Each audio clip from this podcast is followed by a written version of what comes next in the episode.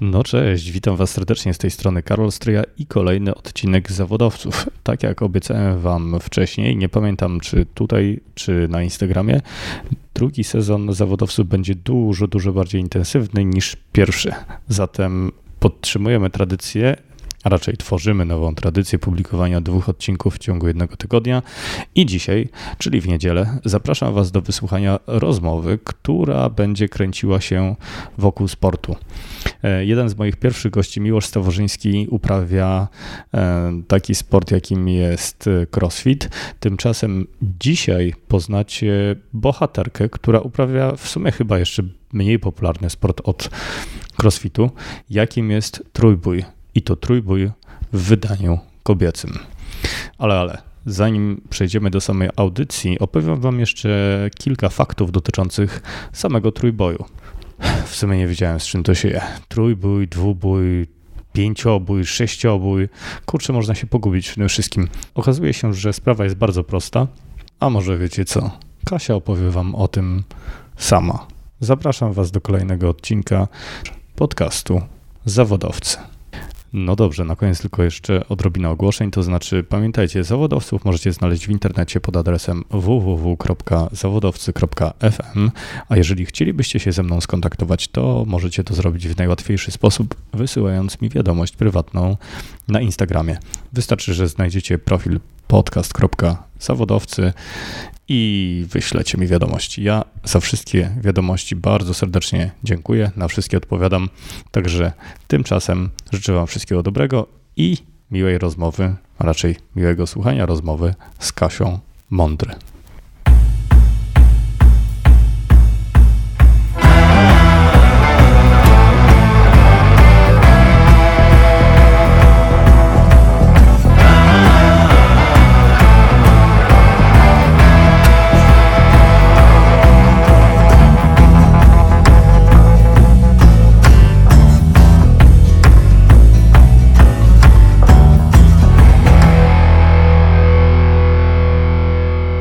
Witam cię serdecznie w kolejnym odcinku podcastu Zawodowcy. Cześć Karol. Czy mogłabyś się przedstawić, powiedzieć czym się zajmujesz? E, nazywam się Kasia Mądry i amatorsko trenuję trójbój siłowy. Słuchaj, trójbój, co to w ogóle jest? Trójbój siłowy, a konkretnie trójbój siłowy klasyczny, to jest dyscyplina sportu, niestety nie olimpijska, której celem jest podniesienie jak największego ciężaru na jedno powtórzenie.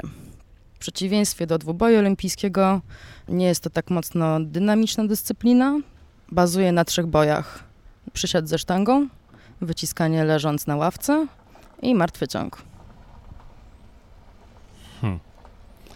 No ale oprócz tego jesteś, jesteś kobietą. No, jestem kobietą. To chyba trochę nietypowy sport jak na kobiety. Nie sądzę, że było coś takiego jak typowy, nietypowy sport dla kobiety. No to są takie stereotypy naszego świata. Natomiast jest to fantastyczny sport dla kobiety.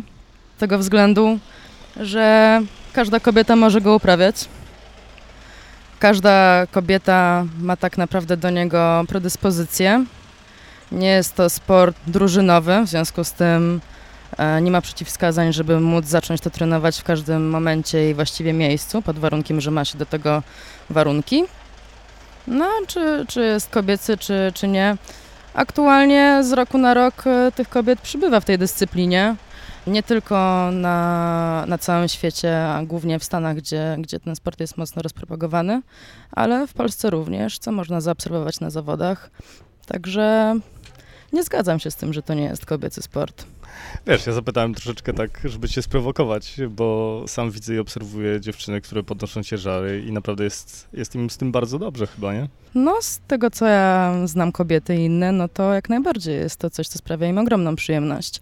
Zwłaszcza, że nie jest to sport, który skupia się na aspektach na przykład wizualnych. To nie jest e, taki sport jak kulturystyka i fitness, gdzie e, skupiasz się na tym, żeby mieć jak najlepszą definicję mięśniową i wyglądać jak najbardziej sexy, powiedzmy. E, jest to sport, który kształtuje siłę zarówno fizyczną, jak i psychiczną. A jak tu trafiłaś w ogóle do trójboju? Um, trochę przypadkiem. Znaczy, no powiedzmy tak, no zaczęłam też od tej kulturystyki i fitness. Tkwiłam w tym środowisku i w tym sporcie.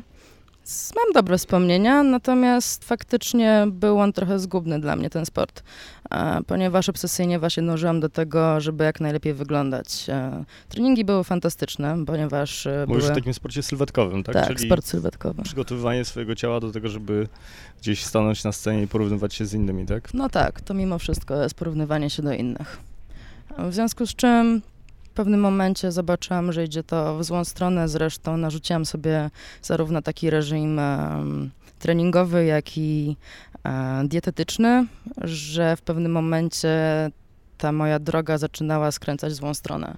Po pierwsze, źle się z tym czułam psychicznie i było to dla mnie frustrujące. Bardzo ciężkie do utrzymania taki reżim, a z drugiej strony w pewnym momencie zaczęłam wyglądać coraz gorzej zamiast coraz lepiej. I był to dla mnie sygnał, że coś się dzieje nie okej. Faktycznie wykonałam badania, miałam niezły chaos w moich hormonach i parametrach krwi. Dlatego poszukałam w takim towarzystwie osób, które zajmują się dietetyką sportową, kogoś, kto mógłby mi pomóc z tego wyjść, żebym była zarówno zdrowa, jak i piękna. No a potem okazało się, że i silna. Więc trafiłam do Barbell Brothers. Barbell Brothers są taką grupą wcześniej tylko dwóch trenerów, Kamila i Pawła, ale teraz już czwórki trenerów, do tego doszedł Michał i, i Tadeusz. No i chłopaki właśnie specjalizują się w trójboju siłowym, a poza tym mają bardzo dużą też wiedzę odnośnie e, dietetyki i zdrowia. Prowadzą nie tylko zawodników, ale ludzi z różnych dyscyplin, zarówno też e, amatorsko. No i Kamil po pierwsze obciął mi bardzo mocno e, objętość treningową. Nie trenowałam już 5-6 razy w tygodniu, tylko 3 do 4. Miałam krótsze treningi, bardziej właśnie skoncentrowana na takim treningu siłowym. Nie dążyliśmy do tego, żebym wyglądała jakoś super po tych treningach, po prostu liczyło się to, ile podniosę kilogramów. Dodatkowo miałam zupełnie inną dietę, dużo więcej kalorii, więcej węglowodanów i nagle zaczęłam odzyskiwać siły takie i fizyczne, i, i życiowe takie. Tak, tak, życiowe. Po prostu zaczęła mi to z powrotem przynosić przyjemność, miałam energię, więc e, bardzo mi się to spodobało. No a że w pewnym momencie Okazało się, że e, też bardzo dobrze mi idą postępy siłowe, głównie w wyciskaniu leżąc wtedy. E, no to Kamil e, zaproponował mi start w zawodach w, na lidze wyciskania leżąc. No to są w tym momencie już bardzo poważne zawody, powiedzmy na skalę nawet światową, ponieważ takich wyników nie osiąga się na innych zawodach. Więc startowałam na lidze wyciskania leżąc, z niezłymi wynikami, jak na osobę, która pierwszy raz coś takiego robiła. No i tak w to wpadłam po prostu, spodobało no właśnie, mi się. To ile dziewczyna może wycisnąć leżąc? no taka czołówka światowa, no to już spokojnie ponad 100 kg wyciskam. I to nie przy jakiejś masie ciała 100 kg, ale dziewczyny, które ważą po 60 kg robią ponad 100. Wow to dużo, dużo więcej niż y, moje pojęcie na temat y, wyciskania leżąc.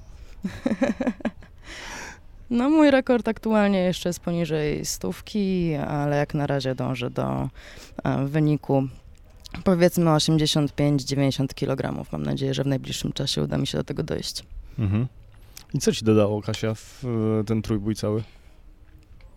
Myślę, że tak jak wspomniałam wcześniej, główną siłą napędową jest to, że buduje swoją siłę i właśnie nie tyle co tą fizyczną, co, co mentalną. To jest coś, co e, pozwala mi dużo lepiej funkcjonować na co dzień, tak naprawdę.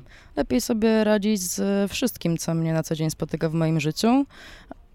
Również podoba mi się to, że po takim, powiedzmy, upadku w moim życiu, kiedy miałam e, dużo gorszy czas, e, też stany depresyjne i depresje, z której się liczy, leczyłam, no to faktycznie dzięki trójbojowi udało mi się odzyskać e, tę siłę mentalną i w tym momencie jestem na takim etapie, że nie sądzę, żeby coś e, tak małego jak kiedyś wcześniej było w stanie mnie złamać. A poza tym ten sport jest dość mocno indywidualny. Znaczy ja nie mówię, że należy robić wszystko samemu, ponieważ zupełnie inaczej wygląda trening e, w drużynie czy z dobrymi partnerami treningowymi niż, e, niż samemu. Jak się jeździ na zawody, to też zazwyczaj z trenerem, z drużyną i to jest zupełnie inna jakość tego podnoszenia ciężarów. Natomiast to jest taka wewnętrzna walka. Ale to nie jest taka wewnętrzna walka, że... Mm, że walczysz sam z sobą w taki negatywny sposób, tylko raczej pozytywny. E, chcesz. E, chcesz sprawdzić, chcesz się tak? przekonać, e, jak wiele jesteś w stanie po prostu zrobić. I to jest taki sprawdzian samemu przed sobą. Tak naprawdę, jakby się stanęło przed lustrem i, i chciało się to, to zweryfikować. Wiadomo, że na zawodach to weryfikują też sędziowie, ale um, faktycznie liczy się to, co ty, jakie bariery pokonasz fizycznie i psychicznie w swoim ciele i głowie. Mhm. Gdzie te bariery leżą zazwyczaj? No, z mojego doświadczenia, które zbyt długie na razie nie jest, um, to głównie bariery właśnie leżą w psychice. Mhm. A często jest tak, najczęściej jest tak, że nasze ciało potrafi podnieść dużo, dużo więcej kilogramów niż my myślimy, że jesteśmy w stanie podnieść. Więc sztuką jest umieć wymazać te takie bariery, umieć też wymazać te cyfry z myśli e, i po prostu skupić się na tym, żeby dać siebie 100% na danej jednostce treningowej, na danych zawodach. Na to się składa bardzo wiele elementów. E, między innymi właśnie uważam, że, że lepszym sposobem jest skupienie się na osiąganiu tych takich celów pośrednich, czyli zadbania o regenerację, zadbania o dietę, zadbania o to, żeby ten trening, każda jednostka treningowa, mimo że nie każda będzie łatwa, nie każda będzie szła po naszej myśli, żeby była za każdym razem zrobiona nasze 100%, nasze 100%, które zakładamy na ten trening. Więc jeżeli potem na zawodach stajemy na pomoście i wykonujemy przysiad, czy wyciskanie, czy, czy martwy ciąg, kończymy te zawody, już bez różnicy, czy ze złotym medalem, czy z brązem, czy poza podium, e, ale jesteśmy w stanie sami przed sobą szczerze przyznać, że zrobiłem 100%, nie było momentu, w którym bym sobie coś e, odpuścił, nie mam sobie nic do zarzucenia, no to moim zdaniem to jest bardzo duży sukces. I właśnie takie małe sukcesy potem składają się na, na prawdziwego mistrza, mistrza, mistrza Polski, mistrza Europy, mistrza świata. I taki mistrz y, Polski, Europy, świata ćwiczy przede wszystkim sam dla siebie, czy dla wyniku? Moim zdaniem nie ma czegoś takiego jak ćwiczenie dla wyniku. Wiadomo, że możesz mieć perspektywy, możesz realnie założyć, co możesz osiągnąć, jaki lepszy ciężar podnieść, większy, tak, jaki mieć e, większy tak zwany total, czyli sumę tych wszystkich trzech bojów w kilogramach. E, ale to właśnie nie tędy droga. To liczy się to, żeby cały czas e, progresować i żeby widzieć te postępy na tych wszystkich polach. Co było dla Ciebie najtrudniejsze, jak zaczęłaś ćwiczyć? Tym takim przejściu od tych sportów sylwetkowych do Twojego trójboru teraz? Na pewno na początku było trudne takie wyzbycie się efektów wizualnych. Jak mi się udało z tym powiedzmy pogodzić i wyluzować przede wszystkim, nie skupiać się na tym, te efekty same przyszły. Ja jestem zadowolona z mojej sylwetki, nie jestem e, potocznie mówiąc fitnessiarą, ale jestem dziewczyną, która jest zadowolona z tego, jak wygląda i nie mam kompleksów. E, więc to była taka pierwsza przeszkoda. E, dość szybko sobie z tym poradziłam. Drugą trudną, trudnym elementem jest ciągłe szlifowanie techniki specjalnie nagrywam sobie wszystkie moje treningi, żeby móc potem nie tyle co chwalić na tym Instagramie, gdzie mi ludzie dają lajki, ale po prostu lubię sobie spojrzeć wstecz do, do tych nagrań, które miałam sprzed pół roku, sprzed roku, sprzed dwóch lat yy, i porównać to, jak to wszystko się zmieniło. Cały czas jestem na bieżąco w kontakcie z trenerem, który poprawia moją technikę, mówi mi, co, jak mogę lepiej zrobić, dobiera mi odpowiednie ćwiczenia do moich słabych punktów. I to jest. Yy, to jest oczywiście trudne, no bo trzeba to szlifować, trzeba to zrobić 100, 500, 1000 razy, jakieś dane, dane ćwiczenie, dopóki się nie osiągnie jakiegoś poziomu, e, powiedzmy, satysfakcjonującego. Więc na pewno jest trudne, jest czasochłonne, dlatego jest trudne, ale tym się, e, znaczy na tym polega trójbój. To jest bardzo krótki, intensywny wysiłek na zawodach. Masz tylko 9 podejść, po 3 podejścia do każdego boju. A żeby mieć e, dobre efekty na tych zawodach, to trzeba naprawdę poświęcić bardzo, bardzo dużo czasu, e, żeby się przygotować. Więc powiedzmy taki maraton, który przygotowujecie do sprintu. Mhm. W każdym z tych trzech elementów. Dla mnie, wiesz co, Kasia, było zaskakujące. Kiedyś usłyszałem, że nie wiem, czy to przypadkiem chłopaki z Barbell Brothers nie organizowali dwu- czy trzydniowego szkolenia tylko i wyłącznie z przysiadu. Tak, tak, tak. A to wiesz, szkolenie to, to jeszcze nie jest to. Jeżeli chodzi o Barber Brothers, to zrobiliśmy też, bo pracowałam z chłopakami, e, jeżeli chodzi o um, prowadzenie szkoleń i, i tak to ma wszystko wyglądać. Zrobiliśmy fajny element, że po takim szkoleniu, gdzie uczestnicy zdobywali wiedzę i w teorii, i w praktyce, mieliśmy dla nich stworzoną specjalną grupę, gdzie w dowolnym momencie, miejscu i czasie mogli wysyłać tam swoje filmy, które szły do analizy.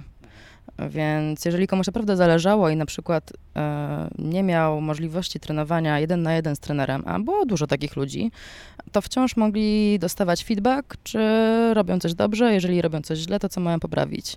Wiadomo, że to nie jest to samo co trening jeden na jeden, ale wciąż jest to jakaś wartość dodatnia, więc e, moim zdaniem ekstra. A jak wygląda takie community, wiesz, ludzi, którzy uprawiają trójbój?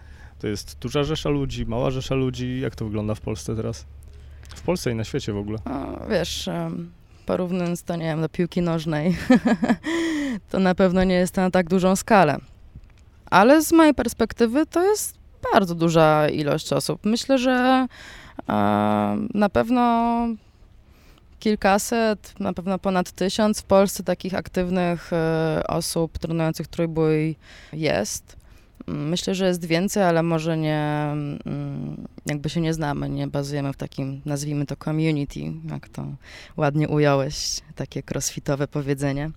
E, niemniej wciąż e, są to grupy ludzi, którzy po prostu łączy wspólna pasja, więc my się z sobą znamy, my mamy swoje jakieś kanały, którymi się posługujemy w kontakcie. E, jest to spore, z mojej perspektywy to jest naprawdę spore środowisko.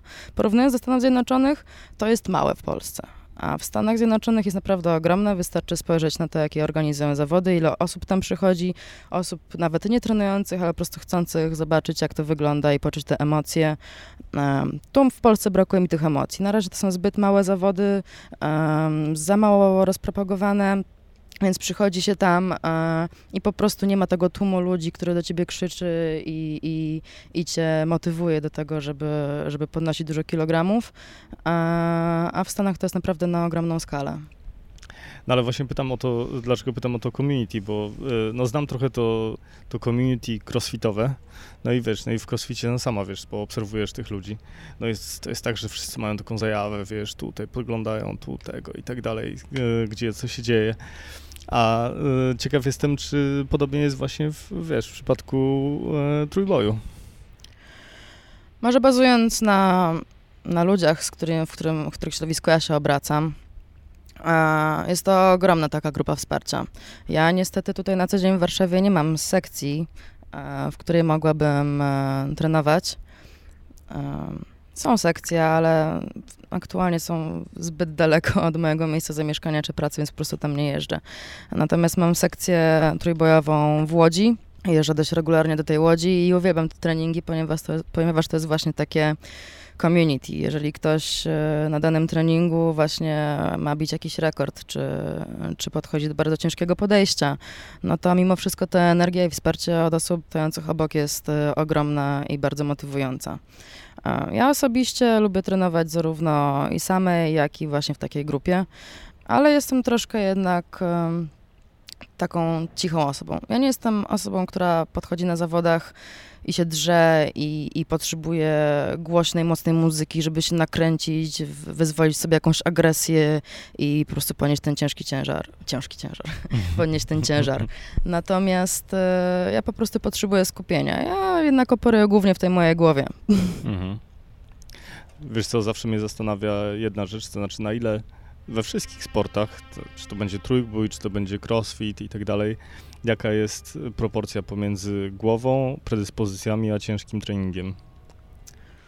Myślę, że to jest bardzo indywidualne. Każdy dla siebie to musi wyważyć, ponieważ każdy ma pewne strony słabsze, a pewne mocniejsze. Jeżeli ktoś ma bardzo silną psychikę, to nie będzie musiał nad nią dużo pracować. A jeżeli ktoś jest silny fizycznie, ma nawet predyspozycje genetyczne do tego sportu, po prostu ma, nie wiem, mm, przewagę włókien e, szybko kurczliwych, czy, czy jakiś taki talent, ale na przykład właśnie słabszą, powiedzmy, głowę, no to będzie musiał więcej nad tym pracować. E, jeżeli ktoś nie przykłada wagi do diety, je za mało albo je w złych proporcjach, no to to też się będzie odbijało. Każdy musi znaleźć ten złoty środek dla siebie. No niemniej jestem zdania, że, że ta psychika jest tutaj cholernie ważna i bez tego ani rusz. A co to znaczy, Kasia, tak naprawdę mieć, wiesz, albo słabą głowę, albo silną głowę? Tak dla ciebie, jakbyś miała, wiesz, powiedzieć pięciolatkowi. To jest umiejętność radzenia sobie w stresowych sytuacjach, jeżeli tutaj mówimy w takim kontekście właśnie sytuacji, które, które mogą doprowadzić do tego, że, że ta nasza głowa nie będzie chciała myśleć tak, jak powinna, tak jakbyśmy my chcieli, żeby myślała. To jest umiejętność odczytywania swoich emocji, swoich reakcji, bazując na doświadczeniu, kiedy nasze reakcje i myśli były może nie tyle co poprawne, były na tyle dobre, że przyniosło nam to korzyści, a kiedy były na tyle złe, że mieliśmy przez to potem jakąś porażkę. E, więc e, to jest taka też trochę metoda prób i błędów, ale przede wszystkim umiejętność odczytywania tych swoich emocji. Jeżeli umiemy je dobrze odczytać i zrozumieć, jak one wpływają na nasz performance, na przykład fizyczny, to będziemy wiedzieli, w którą stronę iść, żeby, żeby ten performance był coraz lepszy. Natomiast jest to bardzo trudne. No jest to trudne, ponieważ mimo wszystko emocje są najczęściej tak silne, że czasami nie myślimy racjonalnie w takich sytuacjach. Dlatego to też jest e, trening, to też jest rzecz, którą należy powtarzać. No właśnie, ale teraz mówisz o głowie w kontekście takich, wiesz, y, momentów, w których się sprawdzasz na zawodach, a ja pytam bardziej o taką codzienność, wiesz, y, o silną i słabą głowę. Ale to wciąż jest to samo, to wciąż są sytuacje stresujące, więc musisz umieć odczytywać te swoje emocje i na tyle je przeanalizować szybko i zrozumieć, poznać, żeby wiedzieć, jak zareagować, żeby to była dla ciebie korzystna sytuacja, a nie stresująca. Ale mówisz teraz o reakcji na porażkę, czy na co? Może być to reakcja na porażkę, może być to reakcja na to, że ktoś powie coś niemiłego. Mhm. Może być to reakcja nawet taka sytuacja, nie wiem, kolizji na drodze czy czegoś takiego. Mhm. To, to wciąż są... Rzeczy, które cię rozpraszają, tak? Tak, tak.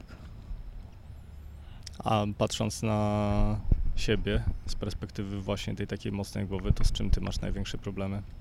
I co było na przykład, z czym sobie poradziłaś, wiesz, przez ten czas? kiedy zaczyna, zaczęłaś ćwiczyć um, trójbój? Mhm. Ja miałam spory problem e, z porównywaniem się do innych. Za dużo uwagi poświęcałam na to, co inni robią dobrze bądź źle. Po prostu e, szukałam jakiegoś takiego argumentu, często szukałam argumentu, że ktoś robi coś lepiej ode mnie albo ktoś robi coś gorzej ode mnie i wtedy byłam w stanie mniej więcej oszacować swoje szanse w porównaniu do tej osoby co jest bardzo zgubne. Wiadomo jest, że na zawodach mniej więcej wiesz, z kim rywalizujesz, znasz listy startowe, mniej więcej kojarzysz też ludzi, wiesz, jakie mają e, wyniki, ponieważ wyniki należy podać przed zawodami, więc tam jest mniej więcej oszacowane, jakim lepiej szło, wcześniej szło. Więc to porównywanie się było dla mnie ciężkie, ale, e, ale w tym momencie poznałam już drogę. E, znałam ją wcześniej, ale za mało jej wykorzystywałam. Aktualnie współpracuję z psychologiem sportu. Nie dlatego, że czuję się słabo, po prostu jest to rzecz, którą chciałabym cały czas doskonalić, tak samo jak mój przysiad czy wyciskanie. Mhm. E, więc y, teraz już wiem, jak kierować swoje myśli, żeby koncentrować się na tym, co ja robię, jakie ja mam postępy, jaką ja mam drogę, a nie jaką mają inni drogę. Co sprawiło, że tak się stało nagle? A... Ostatnio miałam startować w zawodach. Nie wystartowałam.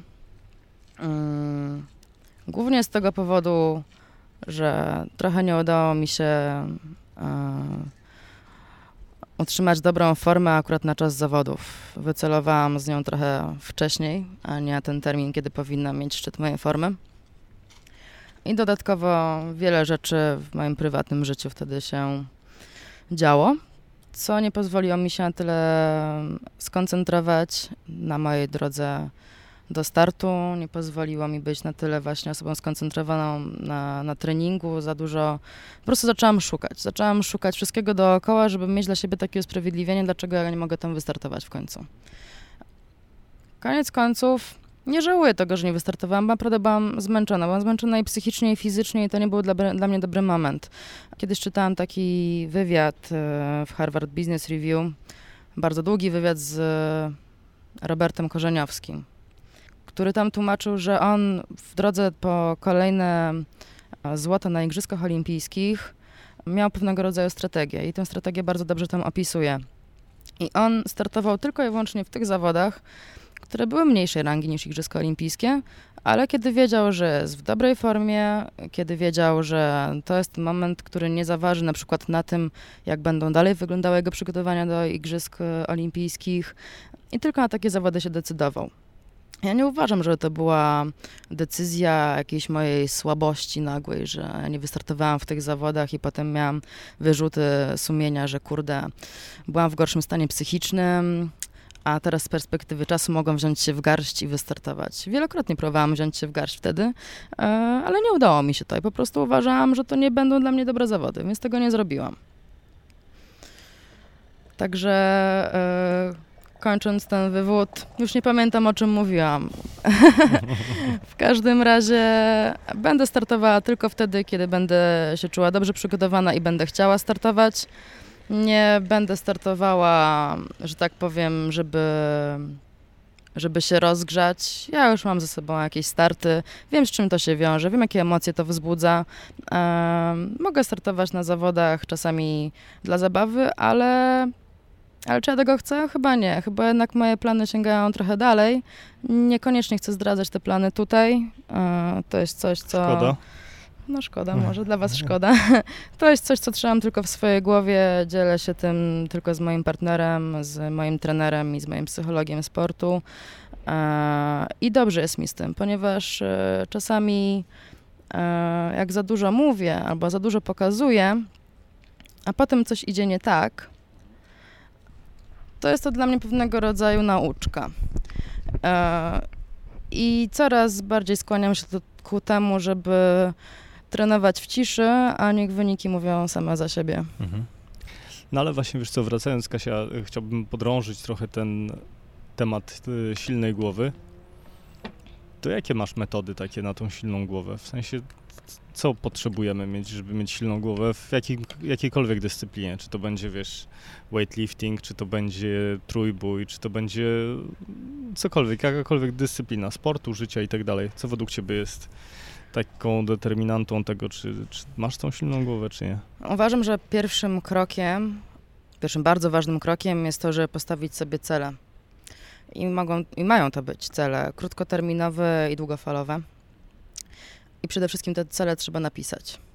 Bo coś, co jest gdzieś w naszej głowie, czy rzucone w eter, a nie jest napisane, jakby się nie uprawomocnia.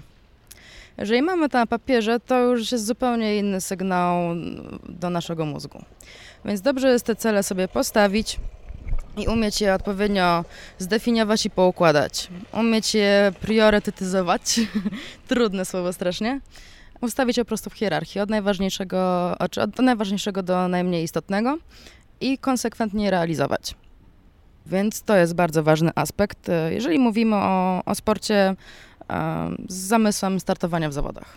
Dodatkowo. Wiesz co, e, nie, ja w ogóle pytam, ponieważ znaczy... zdaję sobie z tego sprawę, że nie wszyscy nasi mhm. słuchacze są zawodnikami, gdzieś mają jakieś takie cele sportowe, tylko pytam o takie życiowe tak samo, wiesz, cele wiesz, i to wyzwania. się tak samo sprawdzi w twoim życiu zawodowym, mhm. jeżeli dążysz do, do bycia kimś na jakimś szczeblu zawodowym i chcesz coś osiągnąć, to jak najbardziej się sprawdzi. W życiu prywatnym też. Nieważne właściwie, jaką masz pasję, ale warto w życiu mieć cel, wtedy dużo łatwiej się żyje. I co robisz potem z tymi celami? Jak masz już je spisane, to wiesz, pytam o takie e, codzienne, bo to, że raz sobie spiszesz swój cel na kartce gdzieś mhm. i zapiszesz, to chyba no, część sukcesu, prawda? Musisz o nich pamiętać, więc dobrze, żeby były w widocznym miejscu. Ja mam e, taki duży billboard w domu, na którym są wypisane. E, więc dobrze jest o nich pamiętać. Poza tym, dobrze jest umieć planować. dobrze jest je rozplanować. Dobrze jest rozplanować różne działania, które będą nas prowadziły do tego, żeby te cele osiągać.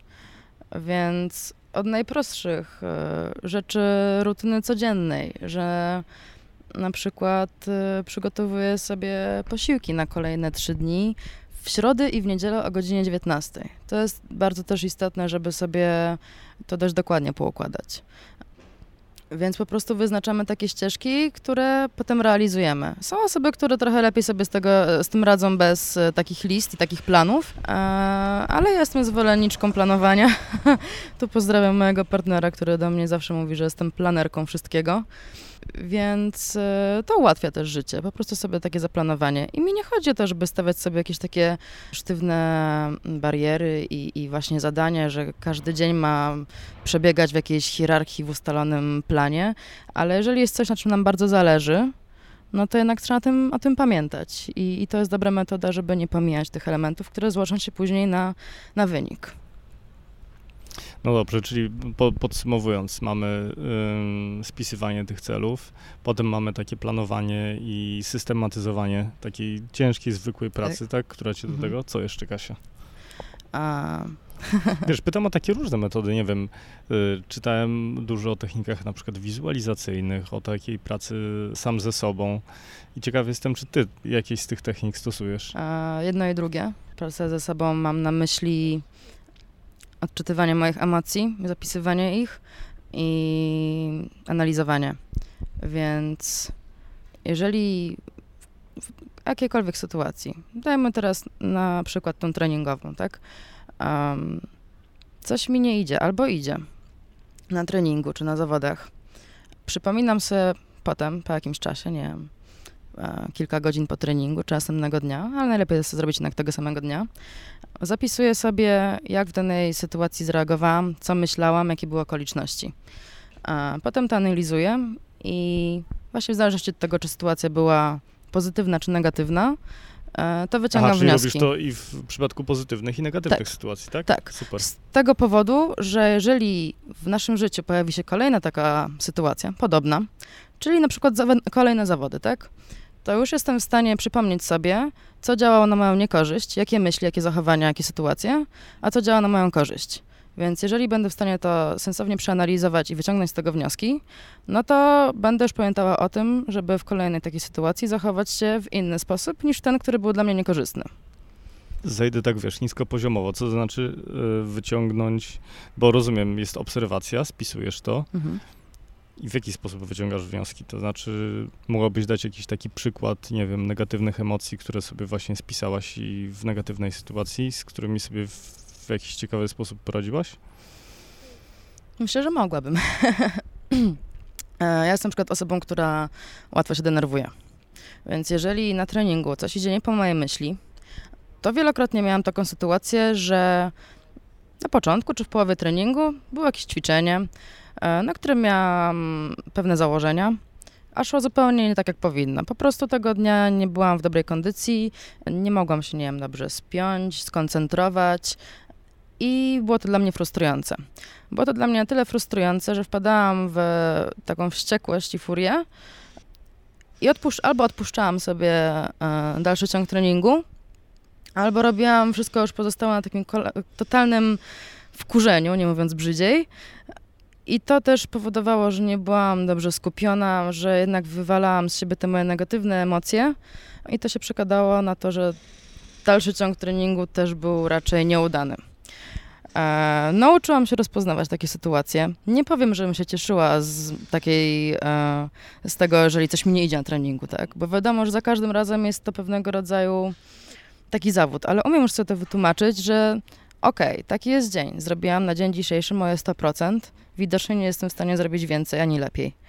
Więc zostawiam to za sobą i staram się włożyć moje 100% w kolejne ćwiczenie, ponieważ mam przed sobą jakąś wizję, mam przed sobą cel i nie chcę, żeby takie sytuacje wyprowadzały mnie z równowagi i żebym potem, bo zawsze tak jest, potem następnego dnia zawsze są te wyrzuty sumienia, że po coś tak wściekałam, po co ja to wszystko rzuciłam i wyszłam, skoro mogłam ochłonąć, wyjść, po, na 5 minut pooddychać, e, na świeże powietrze, e, czy nawet z kimś pogadać, chociaż ja to wolę troszkę w ciszy prze, e, przeanalizować i wrócić, zapomnieć i robić po prostu dalej swoją robotę.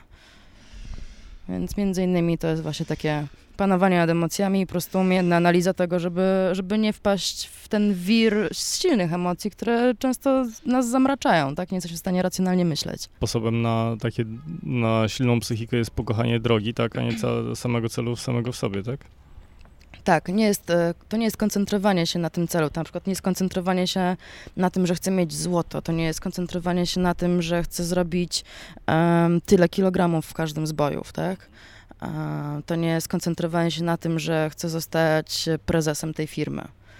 Tylko to jest właśnie koncentrowanie się na tym, co w danym momencie robisz i co doprowadzi do tego. Znaczy, wynik sam powie za siebie, tak? Sam pokaże, co zrobiłeś, czego nie zrobiłeś. Więc to nie ma sensu myśleć aż tak daleko. Po prostu musisz iść z tym swoim nurtem, który sobie wyznaczyłeś i konsekwentnie to realizować, a potem, potem będzie nagroda na końcu, którym, którym będzie świetny wynik. A wobec tego, co mówisz, to jak znosisz przegrane? To zależy. Ale jeżeli nie mam sobie nic do zarzucenia, to przyjmuję z godnością. A jeżeli mam sobie coś do zarzucenia, że czegoś nie zrobiłam, bo zrobiłam źle, no to wtedy już są pretensje tylko do mnie. Ciekawe. E, wspominałeś, że jak e, przyjeżdżacie na zawody, to w sumie wszyscy zawodnicy e, deklarują jakieś ciężary, które podnoszą, tak? Tak. I mniej więcej wiadomo, kto jest na ile silny. A czy zdarzają się takie sytuacje, że zawodnicy, którzy byli czarnymi koniami, takimi wiesz, pewniakami, nagle zaliczają pełną klapę? Jasne. Dość często tak się zdarza, bo na to składa się bardzo wiele czynników takich właśnie jak często e, brak regeneracji, e, albo właśnie jakiś stres. Czasami po prostu nie wiadomo nagle, co się wydarzyło, albo po prostu gorszy dzień. Albo może u tej osoby właśnie coś siadło na głowę, bo coś się wydarzyło e, poza zawodami, co, co było dla niej ciężkie i nie pozwoliło na to, żeby w 100% skoncentrować się na tym, co ma wykonać na zawodach. E, czasami są też takie klapy, jak na przykład niezmieszczenie się w kategorię wagową. Deklaruje się, że będzie startował w niższej kategorii wagowej, e, ale nie udaje się zrzucić tych kilogramów. kilogram za tak, dużo, tak? No, no. I potem dopiero jest klapa, no bo tak naprawdę wtedy już nie możesz startować. Mhm. Tak. Było tak teraz na Mistrzostwach Świata, że, że taka faworytka e, Izabela von Weisenberg schodziła do kategorii 63 kg, a startowała wcześniej w 72, gdzie była już naprawdę top. Dziewczyna podnosi 200 kg w przysiadzie i w martwym ciągu też robi ponad 200, wyciska stówę czy więcej, więc e, naprawdę silna. W każdym razie jej przygotowania śledziłam cały czas i byłam pod ogromnym wrażeniem, jak jej się udaje to wszystko połączyć, bo cały czas rosła w siłę, chudła. Już nie wiedziałam, z czego ona chce schudnąć, bo, schudnąć, bo e, po prostu jej sylwetka była już tak wyrzeźbiona, że, że nie widziałam tam ani grama tłuszczu do zrzucenia. No i nawet co protokół odwadniania plus y, podróż do Kanady, no nie udało jej się wcelować w swoją kategorię, w związku z czym jedną z najważniejszych imprez y, w swojej karierze w tym roku, no musiała odpuścić, nie udało się jej mhm. wystartować. No ale taki sport zawodowy, mm, wiesz, mnie zawsze zastanawia różnica pomiędzy takim ultrasportem zawodowym, y, gdzieś, gdzie wiesz, liczą się już setki, te takie naprawdę drobne rzeczy, a, a takie zawody, które, w których startują amatorzy po to, żeby swoje, wiesz, swoje słabości gdzieś pokonywać. Wiesz, to jest, to jest często po prostu definiowane powiedzmy rangą imprezy. A nie możesz wystartować na Mistrzostwach Świata czy Europy, jeżeli się na nie nie zakwalifikujesz możesz startować w zawodach niższej rangi. I ja jak najbardziej jestem zwolenniczką tego, żeby w ogóle pierwszy start y, pojechać i się sprawdzić i poczuć, jak to jest. Bez jakichś ogromnych. Um, um, ale wiesz, y, zmierzam do czegoś innego. No. To, znaczy, czy na takich zawodach y, rangi takiej światowej, gdzie zbiera się już taki top, top, top, top, top, to już jest taki profesjonalny sport, to zawsze ten profesjonalny sport, już ten taki topowy, będzie się chyba różnił trochę od, od takiego, nazwijmy to, półamatorskiego, to znaczy ludzi, którzy robią to dla zajawy, tak? I konkurują sami ze sobą. No, będzie, bo... Słuchaj, no zmierzam do tego. No, no do czego sensie, zmierzasz? No bo zmierzam do tego, że... Ci ludzie żyją dlatego. No, no. To, jest, to jest ich życie, tak? To jest rzecz, która jest dla nich najważniejsza i są w stanie poświęcić wszystko, żeby osiągnąć ten swój cel właśnie. Są w stanie nie kochać się ze swoją żoną przez rok, dwa, trzy. No, więc właśnie do to tego... To jest spore wyrzeczenie. No tak, ale ty uprawiasz y, sport w sumie sama dla siebie bardziej chyba, prawda? Czy chcesz dojść do takiego poziomu, wiesz, to, top zawodniczego? Chcę dojść do takiego poziomu. Tak? Ale się nie spieszę. Mhm. I po prostu dążę do tego moimi mniejszymi krokami. Mhm. Nie biegam i nie krzyczę, będę mistrzynią świata. No, no. A powiedz mi, a w, y, możesz y, w twojej dyscyplinie y, prowadzić normalne życie na zasadzie praca, rodzina i tak dalej, a oprócz tego osiągać takie, wiesz, spektakularne wyniki? W tej chwili tak. W tej chwili mi to w żaden sposób nie przeszkadza. Jestem w stanie tak wygospodarować mój czas, żeby móc zrobić ja mówię, wszystko. Kasiu, o czymś innym. Ja mówię o takim poziomie już światowym, topowym. Światowym. No Mhm. wiesz, nie jestem na tym poziomie. Nie Mhm. mogę się określić, jak to jest u mnie, więc y, co mam ci powiedzieć? Mam nadzieję, że będę mogła. Mhm. E, A jeżeli nie będę mogła, no to zobaczymy. Zależy, jakie będę musiała mieć wyrzeczenia. Z tego, Mhm. co patrzę na zawodników właśnie takiej e, rangi światowej, to, to jakoś żyją. Mają rodziny, mają często dzieci. Ale co, Nie pracują. Znaczy, nie, nie, wiesz, powiedzmy tak, to nie jest sport, z którego się utrzymasz. no właśnie miałem zapytać. Więc ja nie liczę na to, że w którymś momencie może to się wszystko, wszystko jeszcze zmienić, ale raczej nie liczę na to, że e, w zamian za to, że osiągnę nie, medal Mistrzostw Świata, to dostanę takie wynagrodzenie, że będę mogła sobie tylko e, spać, jeść, trenować i bawić się z psem. No wiesz, to jest. To jest trudne właśnie, no bo, bo musisz to jakoś pogodzić, no bo mimo wszystko musisz żyć. No ale nie wiem, zobaczymy jak będzie. Zobaczymy jak będzie, bo wszystko się zmienia, a ja jeszcze w tym momencie na tym etapie nie jestem, więc nie chcę nic deklarować, czy mam czas dla innych, czy, czy nie. Mhm. E, I nie wiadomo jak to się zmieni w tym sporcie. Wiesz, tak się zastanawiam też, na ile social media całe zmieniają też sytuację ludzi, którzy e, trenują tego rodzaju e, dyscypliny. Bardzo zmieniają. Bardzo zmieniają. Ostatnio, już nawet chyba nie pamiętam u kogo, czytałam, a, ale zgadzam się z tym. To jeszcze nie było za moich czasów. Ja nie jestem osobą, która trenuje trójby od, nie wiem, od 10 lat czy, czy dłużej. Zresztą jestem za młoda na to. E, w każdym razie to był sport z piwnicy, taki sport, gdzie faktycznie No trenowało się w takich kuźniach, no. to, to było bardzo wąskie grono ludzi, tam był tylko jeden cel, ponieść jak najwięcej, a nie wstawić super film na Instagram, gdzie ci ludzie dadzą mnóstwo lajków. To nie jest założenie swojej marki z ciuchami czy, czy jakimiś akcesoriami do trójboju, które będą miały e, fajne, agresywne napisy na koszulkach, więc żebyśmy chcę robić super fotki i być influencerem trójboju.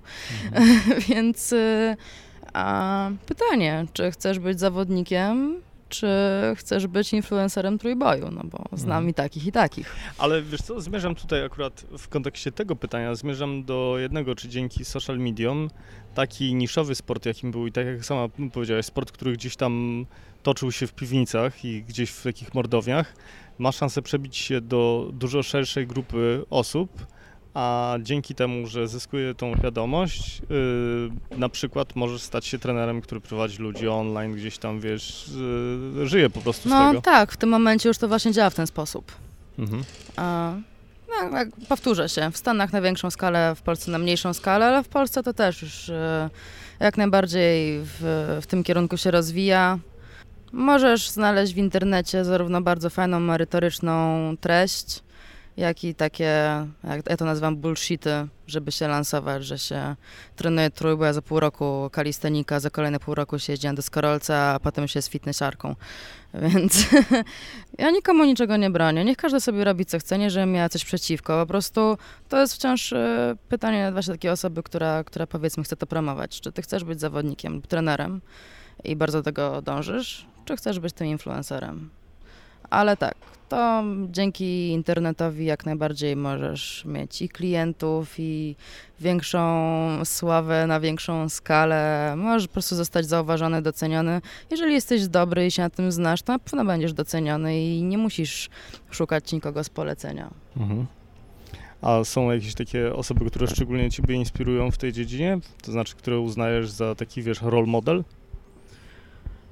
No, moim największym role model, moją największą inspiracją w tym momencie jest raczej mój trener i jego żona, która też jest e, moją trenerką.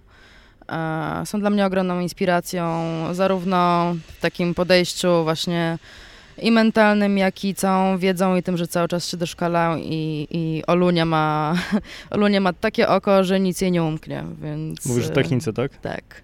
Więc absolutnie imponuje mi tym, że naprawdę wszystko dostrzeże i przede wszystkim będzie miała na każdy błąd jakąś receptę. Mhm.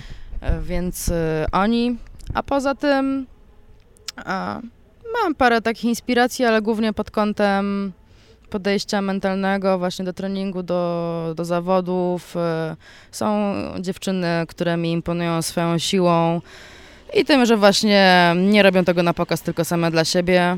No ale to już są takie, wiesz, inspiracje, co komu pasuje. Ale jeżeli chodzi o taką właśnie trenerską rękę, to jak najbardziej Michał Tybora i Olga Kirpiczenko-Tybora.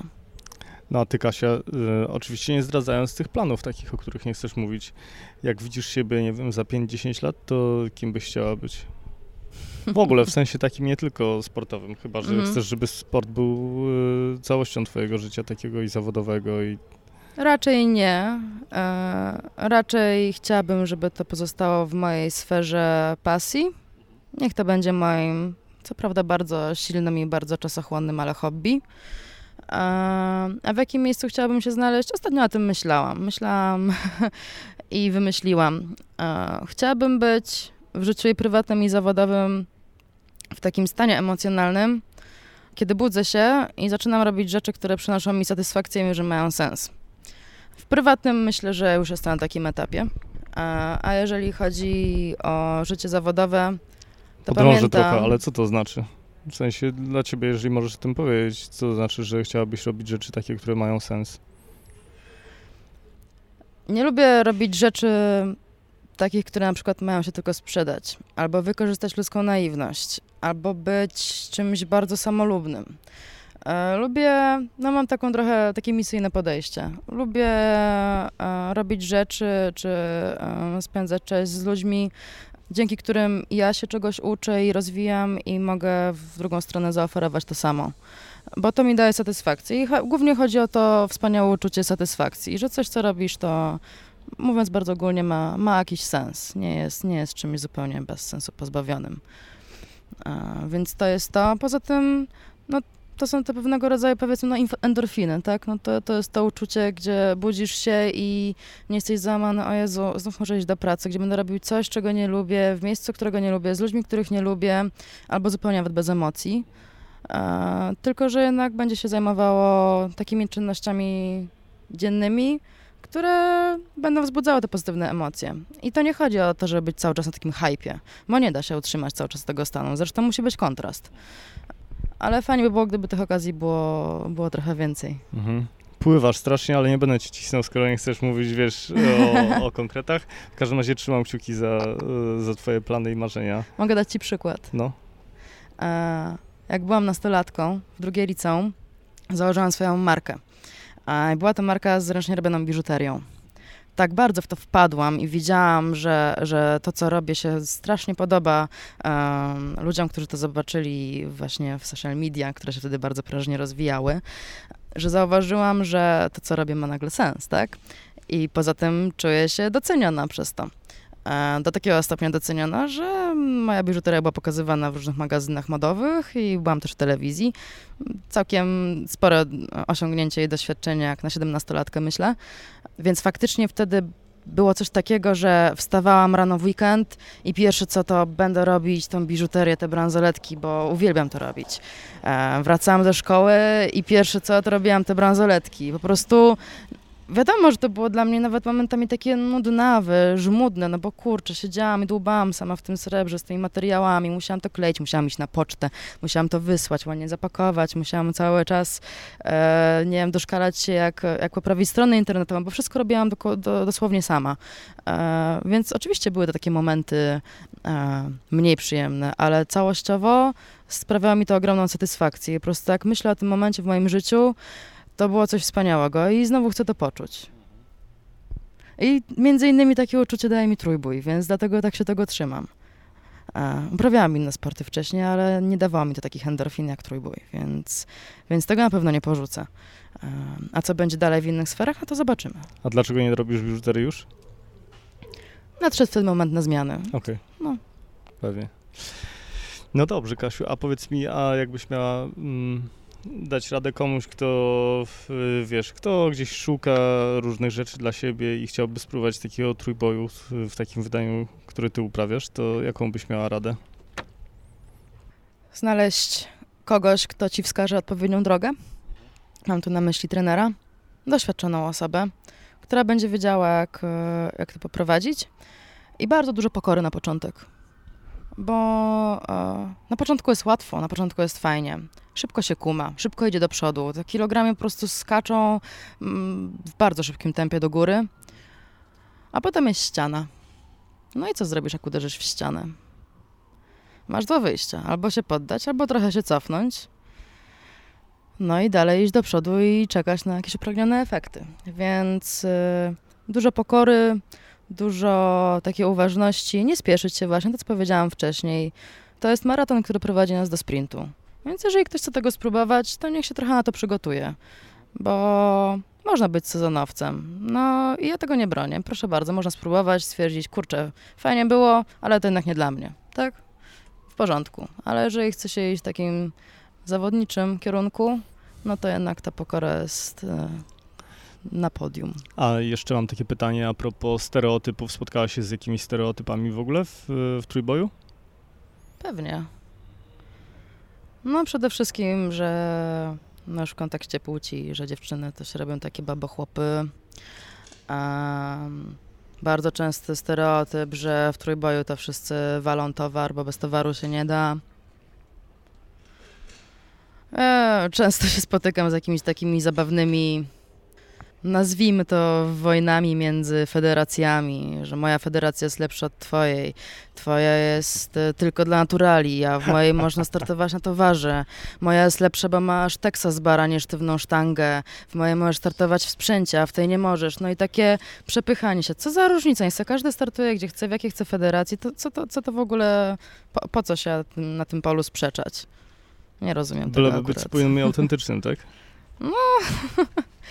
Po prostu to jest, mówię, indywidualna sprawa każdego i tak naprawdę nikomu z zewnątrz nic do tego jest, co, co ty chcesz robić w twoim życiu. Bez względu na to, czy jesteś zawodnikiem, czy kimkolwiek innym, nikt z zewnątrz nie ma prawa ci wmówić, że jesteś jakiś gorszy, czy, czy robisz coś gorzej, że on jest lepszy. No to, to jest po prostu niemiłe, nie powinnaś tak robić. To jest moim zdaniem bardzo świńskie zachowanie. No dobrze, w takim razie chyba y, tym pozytywnym bardzo akcentem podziękuję Ci za tą, Kasiu, y, rozmowę i za to takie intro do świata trójboju. Trzymam kciuki za wszystkie Twoje plany. Dziękuję bardzo. I cóż, mam nadzieję, że gdzieś Cię będziemy mogli z jakimś medalem niedługo zobaczyć. Też mam taką nadzieję, będę do tego silnie dążyła. Gdzie Cię możemy znaleźć w internecie? Na Instagramie Cats and. Na Facebooku też jest Cats and więc zapraszam. Nie mądrzę się tam, po prostu dzielę się moją drogą, którą idę. Można sobie popatrzeć, jaki robię progres. Czasami regres, śmiało. Otwarty dla każdego. Właśnie o to chodzi chyba. Pewnie, że tak. Kasia, jeszcze raz wielkie dzięki. Dziękuję bardzo. Słuchajcie, przede wszystkim wielkie dzięki, że dotarliście do samego końca tego wywiadu.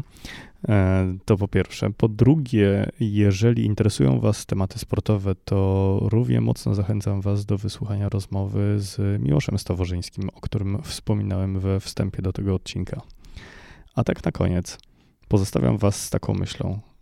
Czy zdarzyło Wam się może kiedyś, że o pewnych rzeczach, nie wiem, sporcie, hobby, czynnościach, które wykonujecie codziennie, myśleliście w kategorii męskie, kobiece. Myśleliście w kategorii nie, nie zrobię tego, bo to robią przecież kobiety, albo nie, nie zrobię tego, bo to jest zarezerwowane tylko dla mężczyzn. Jakie jest wasze zdanie w tym temacie i doświadczenia? Bardzo jestem tego ciekaw. Jeżeli chcecie się podzielić swoimi przemyśleniami w tym obszarze, odezwijcie się. Na pewno odpowiem. Wszystkiego dobrego. Jeszcze raz dzięki za uwagę. Pozdrawiam was.